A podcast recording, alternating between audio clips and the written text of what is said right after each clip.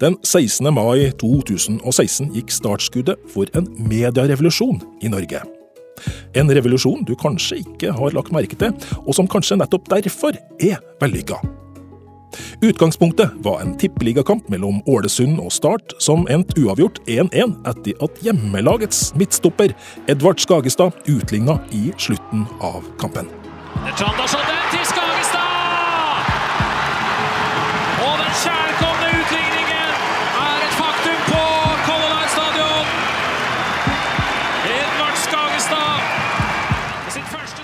Da Norsk Telegrambyrå, NTB, publiserte et kampresultat rett etter at dommeren blåste av kampen, med overskriften 'Skagestad sikra poeng for Ålesund', ble det skrevet pressehistorie i Norge.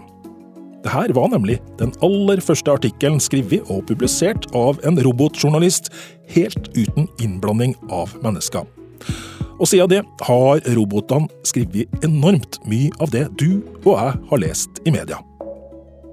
Tema i Kurer i dag robotjournalistikk. Jeg heter Lars Erik Ertsgaard Ringen.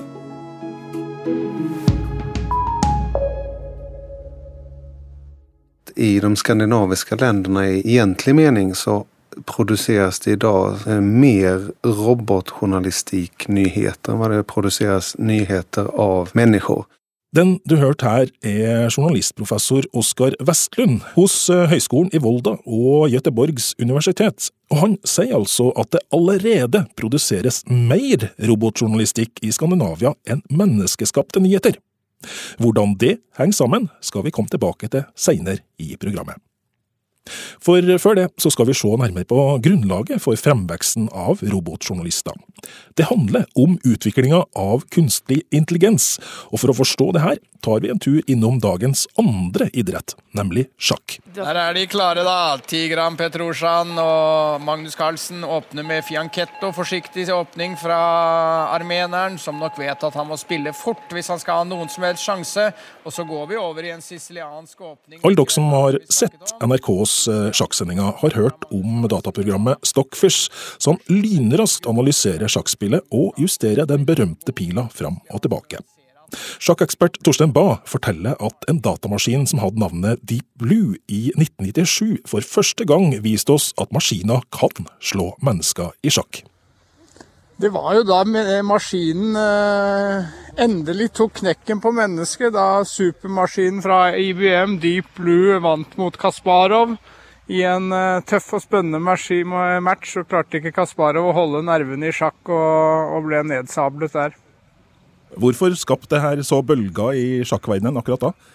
Det hadde jo vært en, eh, en, kamp som hadde pågått en stund da, dette med menneske mot maskin, hvor jo Kasparov var den store stjernen i sjakken gjennom eh, et par tiår. og hvor man jo hadde tro på at han skulle vinne enda en gang mot Deep Blue, men det er klart, sett i ettertid så var jo dette uunngåelig at maskinen til slutt skulle klare å få knekken på mennesket. Og, og Kasparov viste jo en klassisk svakhet da ved at han uh, ikke taklet presset. Mennesket, maskinen, uh, fikk ingen nerver. Til nå er det som har gjort slike sjakkprogram overlegne menneskelige erfaringer. Vi har putta all vår samla kunnskap om sjakk inn i datamaskinene, og denne kunnskapen gjør maskinene i stand til å slå fantastiske sjakkmestere som Magnus Carlsen. Men i fjor, litt over 20 år etter Deep Blues seier over Garri Kasparov, ble sjakkverden på nytt forbløffa av ei datamaskin.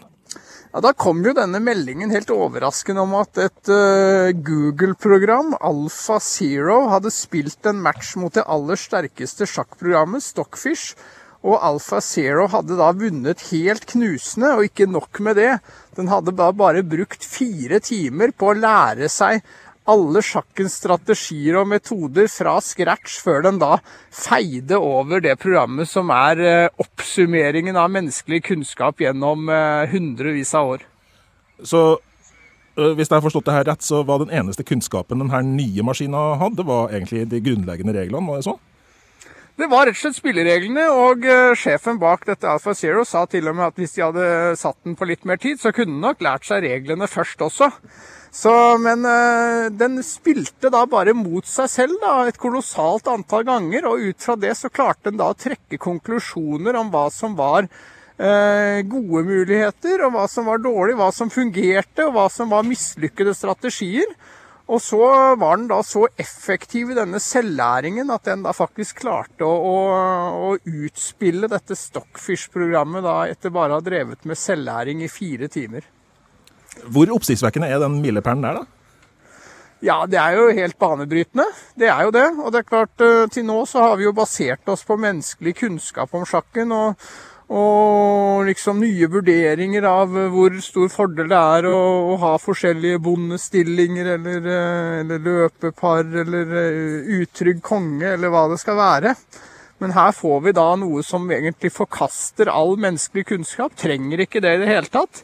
Kan bare simulere selv og da skaffe sin egen kunnskap helt uten menneskelig innflytelse, og er da overlegen menneske. Sjakkprogrammet AlfaZero gir oss et blikk inn i framtida, der datamaskiner ikke bare gjør det vi mennesker har gitt dem beskjed om å gjøre, men der de på egen hånd lærer å utvikle seg sjøl.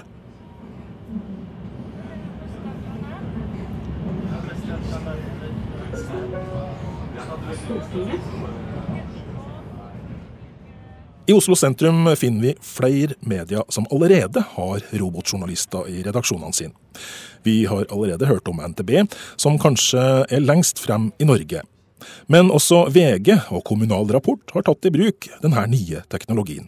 Beklager, Agnel, jeg har ikke gitt deg de to endelige datoene. De er bare kommunisert med noen mulige datoer. Men går det, eller? Bortsett fra at uh... Men kan hende jeg dropper det forskningsgruppa. Jeg er her, uh, bortsett fra I redaksjonen til Kommunal Rapport i Oslo er den absolutt mest produktive medarbeideren en robotjournalist. Men Alt maskina egentlig gjør, er å skrive artikler satt sammen av masse ferdige menneskeskapte maler. Nyhetsredaktør Ole Petter Pedersen slår fast at de enda er et stykke unna virkelig kunstig intelligens. Nei, Hos oss har vi ikke tatt i bruk maskinlæring i den forstand at man forteller maskinen hva den skal lære, men deretter så bruker den erfaringene eh, fra det den gjør for å, for å komme videre. Eh, F.eks. Eh, det man fikk, eh, fikk, bevist med eh, Alpha Zeros eh, sjakkseier for en stund siden, f.eks. Hvor, hvor maskinen bare lærte reglene i sjakk, og deretter ble verdens beste i fire timer. Der er ikke vi. Vi forteller maskinen hva den skal gjøre, men i stedet for at vi sitter og skriver om hver enkelt kommune manuelt, så bruker maskinen våre instruksjoner til å sette sammen eh, de ulike analysene og eh, journalistiske produktene knytta til hver kommune. Og om du nå er en av dem som ser for seg en menneskelignende robot som sitter ved en pult hos Kommunal Rapport, så tar du feil. Nei, Hos oss er robotene godt eh, gjemt inn i datamaskinene, men uh, der jobber de eh, med ganske mange viktige ting for kommunal rapport. Hva var grunnen til at dere valgte å ta i bruk denne teknologien? Rett og slett at vi prøver å gjøre så mye eh, som mulig, og det er ikke gjennomførbart bare med manuell arbeidskraft. Så vi må kombinere Eh, journalistikkens eh, kvaliteter med teknologien. Hva slags jobber er det robotene gjør her i redaksjonen? Det vi prøver, er jo å være en avis for kommunesektoren, det den tradisjonelle rollen. Og så prøver Kommunal Rapport nå å være en avis som også kan nå ut til hver enkelt kommune. Det betyr at eh, vi lager faktisk en del journalistikk som er helt spesifikk for hver av de 422 kommunene. Og det å skrive 422 artikler, det er ikke mulig for en journalist. Iallfall ikke en som man skal ha på jobb uh, uten å havne på en eller annen sykemelding. Så um, vi har da valgt å lage en del journalistisk innhold som kommunene kan abonnere på, som, hvor vi bruker automatisering for å få gjennomført hele operasjonen. Ikke langt unna Kommunal Rapport i Oslo sentrum finner vi et firma som jobber med å utvikle robotjournalistteknologi for framtida. Jeg heter Jon Hammerfjell og har bakgrunn som journalist. Firmaet heter Publishlab og jeg er daglig leder. og Vi jobber med publiseringsløsningen som brukes av Dagbladet, TV 2, Din Side, Sol, KK, Klikk, eh, nettavisen Krono eh, og nå snart også journalisten.no. Jon Hammerfjell er daglig leder i utviklingsselskapet Publishlab, som for ikke lenge siden fikk eh, to millioner kroner fra Google for å utvikle kunstig intelligens som skal brukes i media. Han bruker utviklinga av bilteknologi som eksempel på hvor robotjournalistene står i dag. Hvis noen har prøvd å sitte på med en Tesla eller lest uh, hvordan Tesla fungerer, eller sett autokjøring på bil i dag, så er det slik at autokjøringa egentlig bare er det som på alle andre biler kalles adaptiv cruisekontroll, som er egentlig at bilen kan justere seg litt i forhold til trafikken rundt. Men, men uh, det er helt avhengig av at sjåføren tar over og griper inn hvis autokjøringa ikke er som den skal. Jeg kjørte selv en Tesla i jula som da ikke så bilen foran og begynte å akselerere. Og det ønsker man jo ikke. Man har ikke lyst til å krasje med bilen foran. Det er på en måte der vi er på, på kunstig intelligens i, i, i, våre systemer nå, er at eh, vi kan gi innspill til journalistene. Og vi kommer til å lage en blanding nå det, det neste året, så kommer det til å være en blanding av det. Men vi ser allerede nå at sannsynligvis kommer maskinen til å bli bedre enn journalisten. I dag er det bare noen få ting robotjournalister er flinke til ettersom eh, de foreløpig baserer seg på alt det vi mennesker putter inn i dem, er det mye som det ikke lønner seg å bruke dem til. Jon Hammerfjell bruker dødsfallet til tidligere statsminister Oddvar Nordli som eksempel. Nå, nå, nå, nå er det ikke så lenge siden Oddvar Nordli døde. Man må jo mate denne maskinen med ganske mye informasjon for at man skal få den til å forstå at det er en sak. Vi husker jo han. Eh, sånn at man må det er, alltid, alltid, en sånn skjæringspunkt når er det lønnsomt å bruke veldig mye tid på å putte informasjon inn i maskinen, fremfor det å gjøre det manuelt. da. Men ifølge Hammerfjell står vi ved et veiskille, der virkelig kunstig intelligens snart vil bli tatt i bruk. Foreløpig er det, man går inn i det, så er det ganske basic hva man kan gjøre. Men, men det, kommer nå, det kommer nå et skifte i løpet av dette året, neste år, som gjør at det, at det blir veldig mye mer systemer tilgjengelig. For det er, det er, på en måte et lite race der ute nå mellom disse store, da. Som er eh, som I tillegg til Facebook og Google, så er jo Amazon store på dette. her. De har, Amazon har jo denne Alexa-høyttaleren som man kan snakke med, og Google har den Google Home-høyttaleren man kan snakke med, som også er basert på kunstig intelligens. Den skjønner jo hva du spør om, på en annen måte enn, enn det som var lagd før. Daglig leder Jon Hammerfjell i Publishlab forteller at eh, det ikke bare er robotjournalister som jobber i norske redaksjoner i dag. Det finnes også ganske mange robotforsideredigerere som sørger for at du og jeg får personlig tilpassa nyhetssaker når vi klikker oss inn på ei nettavis de fleste forsider i Norge i dag er jo manuelt plukka ut og skrevet for hånd hva man skal se. Men, vi, men, allerede nå så er det slik at noe av forsidene som vi leverer, er personalisert. Uh, slik at uh, noen av oss liker å lese om alt som har med teknikk og bil og fotball, mens andre er fullstendig uinteressert i det og vil lese om andre ting. Og da kan man, da kan man fange opp uh, hva er det som på en måte er mer interessant for deg, og gi, gi deler av, uh, av, det man ser på forsiden rundt artiklene, litt mer personalisert, som da vil gjøre avisen bedre for deg. Hvilke aviser er det som har det i dag? Ja, Vi, vi leverer det til uh, Dagbladet din side, og bruker det vi har levert. Og Se og Hør også. Og så er det flere, som, flere, av de vi har som kunder som kommer til å bruke det. Men det er, det er mange, mange, som har delvis personaliserte forsider. Og jeg tror også at noen av de småavisene som ligger under Adresseavisa, kan være helt personaliserte.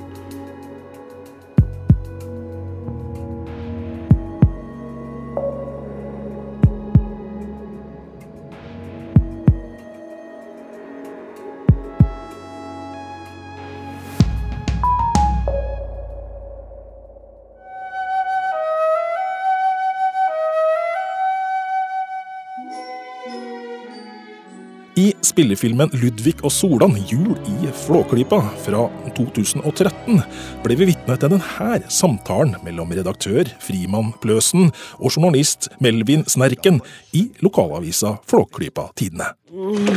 Hvordan endte vi opp her, Melvin? Vi som alltid har laget så bra aviser. Vi skulle ikke bare starta på nytt, da? Skrive om ordentlige ting. Hva er vitsen? Melvin, jeg må si deg opp. Nei! Men, men, men, men, en avis må jo ha en journalist. Å ja, men det har jeg. En som jobber gratis. Se her! Denne felgenoppfinnelsen har jeg hatt stående i påvente av krise. Presserobot 3000 med ordspillende overskriftsprosessor, egen skandalemodul og lave representasjonsutgifter. Jeg kommer fra Flåklypa-tidene. Skriver en sak her og trenger noen opplysninger. Jøsse navn. Har du betalt reskatten? Nei. Åssen forklarer du penger som mangler i kassa? Jeg har ikke noen forklaring på det. Hvilke næringslivsfolk har du nære bånd til? Automatisering og innføring av robotteknologi vil gjøre mange yrker overflødig i framtida. På flere av oversiktene over utsatte fag finner man journalistikk. Hege Irén Fransen, som er leder i Norsk Journalistlag, er likevel ikke bekymra for medlemmene sine. Altså Det som vi vet i dag, er at eh, redaksjonene mangler journalistisk kraft. Vi trenger mer journalistisk kraft i redaksjonene i dag. For det har skjedd en kraftig nedbemanning blant eh, journalister etter at uh, avishusene og mediehusene har hatt uh, vanskelig økonomi, og da har man skåret i antall journalister. Så det er vi bekymra for, at uh, vi ikke er til stede og får dekket alt det stoffet som vi trenger å dekke. Men kan ikke det at man kan erstatte journalister med datamaskiner føre til at man skjærer ned enda mer, da? Eh, akkurat nå så er vi nok ikke redd for det. Vi tror jo at eh, robotjournalistikken kan være et bra supplement til eh, menneskejournalistikken. Robotjournalistene kan gjøre oppgaver på en raskere måte og levere innhold som vi kan bruke til journalistikk på en raskere måte enn det menneskene klarer å gjøre. og Det betyr at det frigjør tid, sånn at de journalistene som er i redaksjonene, kan bruke tid på å grave fram saker eller å lage saker. Flere redaksjoner i Norge har allerede tatt i bruk denne teknologien, men lederen i Norsk Journalistdag har foreløpig ikke sett noen bekymringsmeldinger fra disse arbeidsplassene.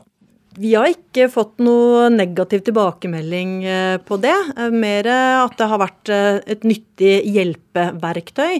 Men det er viktig når man bruker roboter til å gjøre journalistikk, at det har den samme vurderingen som annen journalistikk. Det trenger å gå gjennom et redaktørledd, det trenger å gjøre etiske vurderinger opp mot de etiske plakatene våre. Så det trenger man fortsatt å gjøre selv med robotjournalistene. Ser du at man har noen utfordringer på det allerede i dag, eller? Ja, vi har jo hørt eh, historier om at eh, robotene gjør eh, feil. F.eks. kåret eh, banens beste spiller til eh, den som skåra sjølmål, fordi det skjønte ikke roboten at eh, det var feil spiller. Så sånne typer ting kan jo skje. Så har jeg også hørt fra våre naboland hvor man har vurdert å bruke robotjournalistene til å sende meldinger til trenerne for å be om kommentar, og så publisere det. Og det har vi f.eks. sagt at vi er ganske negative til, fordi da får du jo en slags mikrofon mikrofonstativjournalistikk som, som ikke er bra. Altså Vi må kunne gjøre intervjuene og gjøre vurderinger og kunne stille oppfølgingsspørsmål. Det er vi ganske opptatt av. Så man må liksom eh, bruke det med sunn fornuft. Leder Hege Irén Fransen i Norsk Journalistlag tror den nye teknologien vil gjøre det mulig for journalistene å bruke tida si på viktigere saker i framtida. Den erstatter ofte uh, arbeid som har handla om å punche ting i en Excel-ark, som vi vet at gravejournalisten har brukt veldig veldig masse tid på. Og det gjør klart at Hvis man kan ta i bruk robotjournalistikk til, til å gjøre den jobben, så kan journalisten få gjøre andre ting, uh, og til sammen lage et bedre produkt.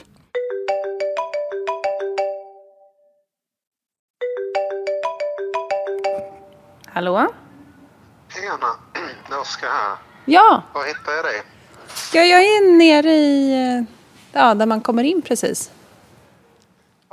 Kurers reporter Anna Iversen møtte journalistprofessor Oskar Vestlund ved Göteborgs universitet. Ja, vad bra. Tack så mycket.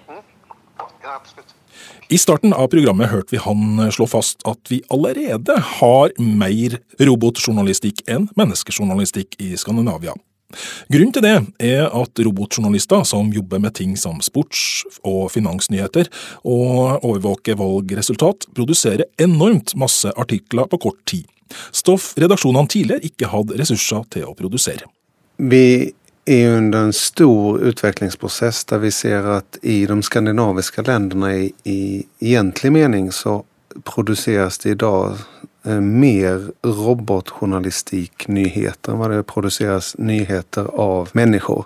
Det hänger mycket samman med att aktörer såsom United Robots som arbetar med eh, mycket media och Östgötakorren, numera med Göteborgsposten at de producerar otroliga mängder nyheter kring områden såsom sportjournalistiken, genererar nyheter kring division 6, division 5, division 4 matcher all möjlig bevakning som tidigare inte har kunnat prioriteras. Och eh, i USA så har ju företag som Narrative Science under flera år producerat otroliga mängder eh, robotjournalistik. Också kring sport men också kring finans och ekonominyheter och liknande. Eh, så den totala mängden eh, bedöms vara större. Sen skiljer sig den typen av journalistik fortfarande något. Att det är vissa områden som är eh, mer bevakade av robotar än av eh, människor. Med att robotjournalistiken kanske framförallt tillämpas i områden där den kan använda databaser för att konstruera nyhetsartiklar. Där det är enklare att göra avgöranden om hur en eh, nyhetsvinkel ska göras, vad för slags fakta som ska ingå. Så att eh, de här robotarna utgår ju helt och hållet från databaserna. Finns det fel i databaserna så gör roboten fel. Är det rätt i databasen så gör roboten rätt. Och när det gäller till exempel då eh, fotbollsmatcher, om resultatet är 3-2 och de har skrivit upp vilka som har gjort målen så kommer roboten att rapportera exakt detta. Det kommer inte bli några fel, felstavningar eller liknande längs vägen. Mer komplicerade nyheter med intervjuer och vinklingar och sånt är till eh, dags dato svårare att jobba med, med robotjournalistik. Men där ser jag framför mig en utveckling nu där robotar och människor kompletterar varandra i olika avseenden.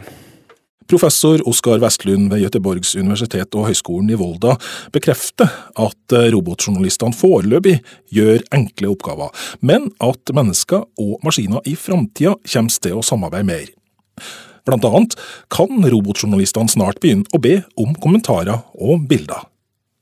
Det utforskes jo hva mån roboter og artificiell intelligens kan tillämpas på även andre områder. Men det, det jeg tror meg se her under 2018 og framåt er at robotjournalistikken kan produsere enklere nyheter kring områden som sen kan användas som underlag for å tillfråga personer som är involverade, exempelvis en domare vid en fotbollsmatch eller i andra sammanhang, någon som har varit på plats. kan ju även vara eh, publiken eller en deltagare på plats. Som via ett bekvämt användargränssnitt, vilket företrädesvis kan vara en applikation i mobilen, uppmanas då att skriva några rader, bidra med foton eller rent av eh, skicka ett ljudklipp direkt in i den här applikationen. Och därigenom fylla på den story som eh, produseres av roboten utifrån en databas. Och därigenom kan det bli ett ganska rikt material. Eh, det tror jeg er en ganske viktig Eh, utvikling som vi kan se i dag. Journalistprofessoren tror enkelte journalistjobber vil bli overflødige pga. den nye teknologien. Men samtidig vil den skape nye arbeidsplasser. Teknologien fører til at redaksjonene i framtida vil kunne dekke over enormt mye mer enn det de gjør i dag. Og det mener Oskar Vestlund er positivt. Det er alltid så at det finnes et samspill mellom mennesker og teknikk, og innom alle bransjer forutspås det at automatisering kommer å bidra til redusering av vissa typer av arbeten som vi har idag. Men samtidigt så kommer det också ge upphov till att nya typer av tjänster skapas och att det frigörs utrymme för annat. Så jag tror att i vissa avseenden kan robotjournalistiken bidra til at man reduserer den menneskelige arbeidskraft som legges på vissa områder, Men samtidig så måste man upprioritera journalistisk arbete på andre håll. Og det er også så, vilket er utrolig viktig her, og det er at robotjournalistiken innebär också att man gör bevakning av områden som man tidigare inte alls har kunnat prioritera. Att kunna bevaka exempelvis inom sporten varenda match inom alla serier, till och med bland barn och ungdomar, är ju något nytt. Eh, och det är också så att man kan personalisera alla de här nyheterna så att en person helt enkelt kan bevaka vissa typer av matcher. Helt enkelt i de lag de själva är, eller de serier de spelar i. Så jeg skulle ikke vilja reducera frågan til at det enkom eh, bidrar til en nedgång der. Jeg tror snarast så at de medieföretag som satsar på robotjournalistik er de som kommer fortsätta kunna vara relevanta. For gjennom å gjøre det så kommer man kunne komplettere den andre journalistikken og virkelig legge kraft på det. Och det är endast, och det här tycker jag är en väldigt, väldigt viktig punkt. Det är endast om journalister och andra redaktionellt kunniga personer inom mediebranschen jobbar nära med digitala designers och programmerare i att utveckla de här algoritmerna som man verkligen kan bli framgångsrika. För det krävs en algoritm som är, tänker som en journalist och agerar som en journalist. Och det kan den inte göra om inte journalister är involverade i att skapa de här algoritmerna.